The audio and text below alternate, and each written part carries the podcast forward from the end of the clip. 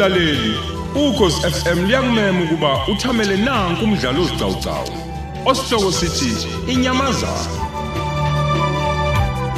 obhalwe ngumthandeni Kenneth Kanyile.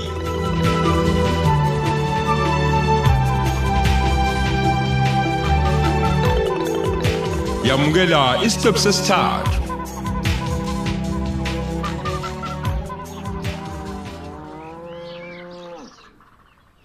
Ibambe egcinekile. Hayi yona. Hey iyaphi lapha ya jamludi ngena ngena ngapha egcinekile ngena ngena ngena. Ngibambile baba. Ibambe kanjalo ke ntombazane yami. I- ingathi nyaka ehe hayike qhubeka uyisenge mntanami qhubeka. Ey, igonse ngempela manje baba.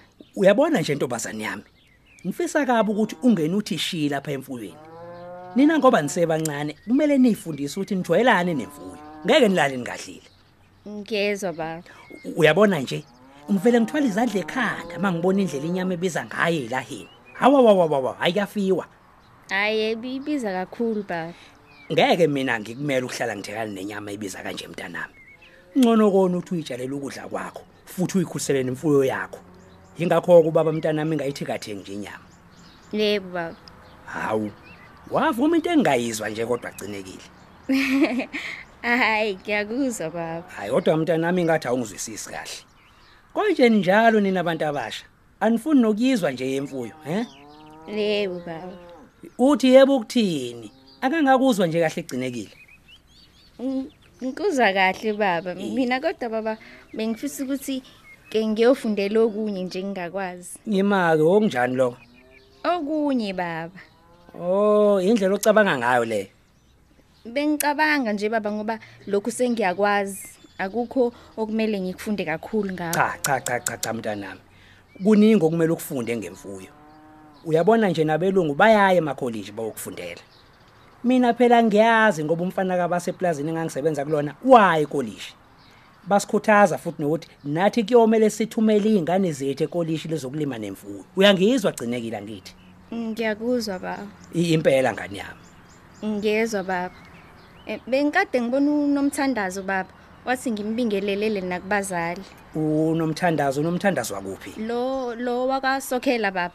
Usefunda enyuvesi phela ha yaseThekwini. he U- usho le ntombazane egqoke ihlazo ukhuluma ngalowo dodi gcinekile I- i- Yebo baba. imaka uhlanganaphi nalowo dodi wentombazane le ntombazane ihambe la ihlonipha kepha manje usubona ngisho indlela egqoka ngayo nje uthi hey sekoyenye into A- angwafuni lamantombazane agqoka ingubo engaphezulu kwedolo mina.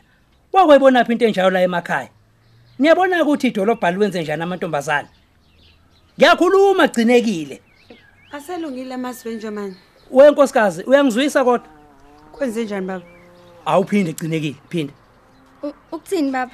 phinda lo mhlolo obungitshela wona manje ngale ntombazanyana yakasithole. Mtshele nangima wakho mtshele. Hawu cha mama bengithi unomthandazo uthe ngibingelele kubazali. Ah, wisithando bandla Nkosi yami. imake imake angikuzwa kahle nkosikazi Yebo baba. U- u- uthi isithandwa U- ubani isithandwa I- ile ntombazane uyazizwa ukuthi uthini Hawu kanti wenzeni umntwana nje Ha, mani? ha, Ngoba ha, phela kuhle ha. ungabingelele lo usatshengisa inhlonipho. U- uthi uyayibona kodwa le ntombazane ukuthi uma ibuyile la ibe umuntu ongasabazi abanye abantu uyayibona nje ukuthi iphilele enye impilo manje he kusakwazi kodwa kusengenkomo kona lokho wena uzoba izinto enjalo ngesithando hm Ngiyakuzwa nje mani. ungizwa ukuthini Okushoyo. Hey. Amasa aselungile baba. Hey wena noma ngalunga masi. Kodwa le ntombazane ayehli kahle lapha emphinjeni wami. Ngeke nje mina ngiqamba amanga ngalokho. Uqoka nebhlukwe lokho. Hawu, lento kumele sihlangane singamadoda. Siyibike enkosini ngoba ayifuneki lento la.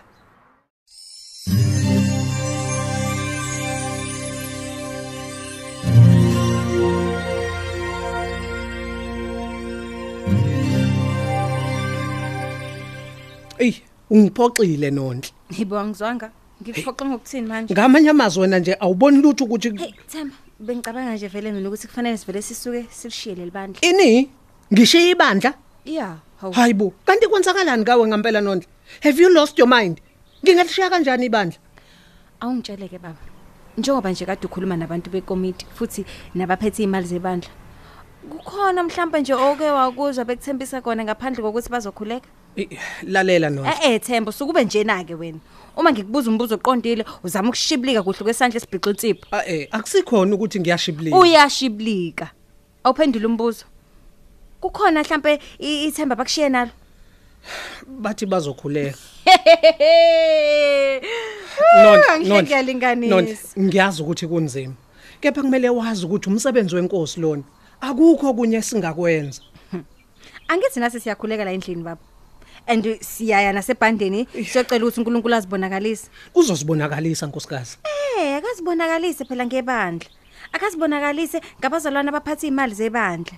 Oh nokuyibona ke o- okumele bathathe inqumo esizokwazi ukuthi zisisize. Hayi ngokuthi bazositshena ukuthi nje sizothandaza sizothandaza sizothandaza. Ayibo Ah, hayi a- asilinde sibone ukuthi kuzokwenzekani nonhle. Lalela Themba mina ngeke nje ngihlale kule ndlu ngilinde ukuthi ngize ngiphoqeke sekubonakala sesikhishwa isikhonzi senkantolo.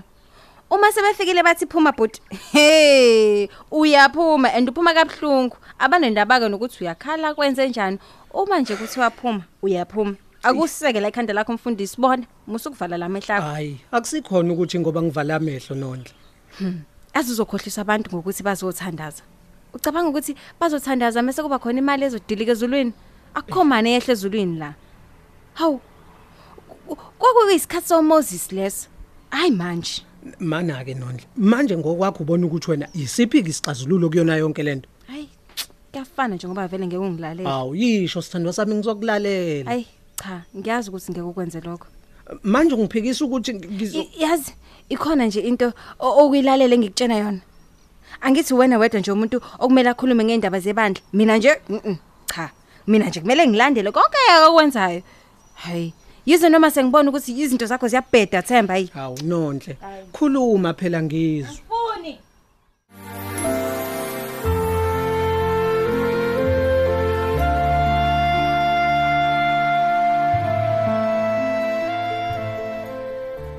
Ey, ngibona sengathi kuzobheda nomthandazo.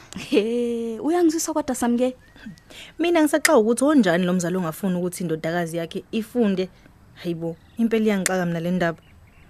Gcinekile. Yebo. Ngizosho into bengayimisele nokuthi ngiyisho. Angithandi ukuthi izwakale kabi lento. Futhi angiqondile ukudelela ubaba wakho noma abazali bakho nje. Angicabangi kodwa ukuthi lo mama wakhe akafuni ukuthi uhambe yofunda.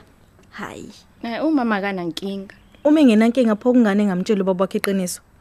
Uthi uyasaba naye. Uzosaba kuze kube yinini? Hayi akuyona inkinga kakhulu lokho. Ngiyazi ukuthi uzogcina emtshelile. Kodwa kuzomela nawe umtshele uma ngabe ukuthi uma wakho uyasaba ukuthi amtshele. Phela impilo yakho legcinekile. Yazi nje kwakhona lokho uthi kumele uzosaba ukutshela abazali ngesinqumo sithathayo ngekusasa lakho. Hayi kusho likhulu. Yazi ukuthi ukube bekuwumfana ngabe ubaba wakhe akazange nje enze kanje. Uqinisile. Hayi ubengeke. Mina kodwa ngisafuna nje ukwazi gcinekile. Ubaba wakho useshilo yini ukuthi awuyi wena esikoleni? Cha ubengakasho. We ay, nawe samke wavele wabuza umbuzo obuduphunga nje manje. Cha phela ngifuna ukwazi. Uyasho nje ukuthi ubaba wakhe akazi kodwa indlela amuzwe ekhuluma ngayo iyamcacela ukuthi ngeke azavuma. Oh, kusho ukuthi thina siyamsukela kuba bunjomani ngoba phela akazazi asho lutho. Akunjalo ugcinekile? Eh naleli igama likagcinekile. Hayi, angikwahleni bakwethu. Lalela wena egcinekile. Musu kusaba ukutshela ubaba wakho. Ey ukuthi ukukhulunyisa ukuthi awumazi ubaba mangabe senolaka noma ingahambisani nento. Mina ngeke nje ngilinge ngimtshele. Ngcono uzotshelwa uyena umama. Manje uzokwenza njani ke uma naye uma wakhe ngeke akwazi ukumtshela? Hayi ke ngithembe wena ke lapho. Uthemba ukuthini kumina? Ukuthi uzomtshela. Habe. Hayi. Uyakuzwisa kodwa samke. Hayibo, nangu umuntu afuna ngibulala unjomani. Kodwa nami ngivubelana naye ugcino. Uma nje enqaba, buya wona gcino uze kulosisi. Ngicabanga ukuthi nje uzokusiza. Hayi ke, yazi kanti mina bengibona wena samke Ukuthini? ukuthi umtshele. Never. Ha, ukuzibonisa gile esiphatho baba kagcinekile. Hayibo ngeke nenze lutho baba. Ha. Hayi ngeke, miyazi mina bengisatha kuhle ukuthi intombazane kumele inqunyelwe ukuthi kumele iphile kanjani, yenzeni futhi ingakwazi ukwenzani. Hayi Ekubeni cha abafana ngeke. bona bayayithathela ezabo inqumo ngaphandle Nje. nje kwenkinga. Unjomana nje kuzomela acabanga ngenye indlela. Siphila kwesinye isikhathi phela manje. Ungakhathazeki wena gcinekile. Linda nje uma wakhe amtshele. Siyazi uzoqala thethe kodwa ekugcineni wena uzohamba esikoleni. Ngeke ngikwazi ukubuhle nje emakhaya kanje. Hayi, Ngamanye ngeke. amazwi, abantu abafana nathi bakufanele ukuhlala kahle emakhaya. kungcono ngoba mina ngikazeke ngisho lento oyishoyo angikaze nje Sengicela ukuhamba. Ngiyabonga kodwa kakhulu. oh sekuyisikhathi sokusulanda iy'nkomo konje hayi bunjalo nomthi ungamnaki wena sisi Ngimyeke lo. Angigcona. Kodwa nami nje maduze ngizobe sengifana nawe. ya uyabona ke you go girl kufanele ube njalo ungalokhu udlala amakhehla la angafuni kwamukela ukuthi isikhathi sawo sesiphelile manje ngiyekufisela inhlanhla gcino sengathi njomane nje angakwazi ukuza ukuthi uthini futhi akuvumele ukuthi uhambe ukuze ufeze ifiso zakho. Ngiyabonga. ah manje nawe usukhulumisa ukukamama okholwayo nje. Hayibo vele ngiyakholwa mina. Hayi ngizoza ngawe ke gcinekile. Okay, ngiyabonga. okay. Shame bandla. Kubhlungu kodwa ukubuka intombazane yasemakhaya njengakazi iphumela yaphandle ikibona izinto zomhlaba nje. Ha kodwa uzoqaqeka ngoba uzimisele ngokuthi aqhubekele phambili. Ya. Awungitsheleke nawe sisi we hayi sekwenze njani ke manje? Umtholele kanjani lo mfundaze ekubeni abanye abantu kunzima kangaka ukuthi bawuthole? I- i- i- awukahle kancane awukahle nje. Awunakeza akhe indaba. Please bandla.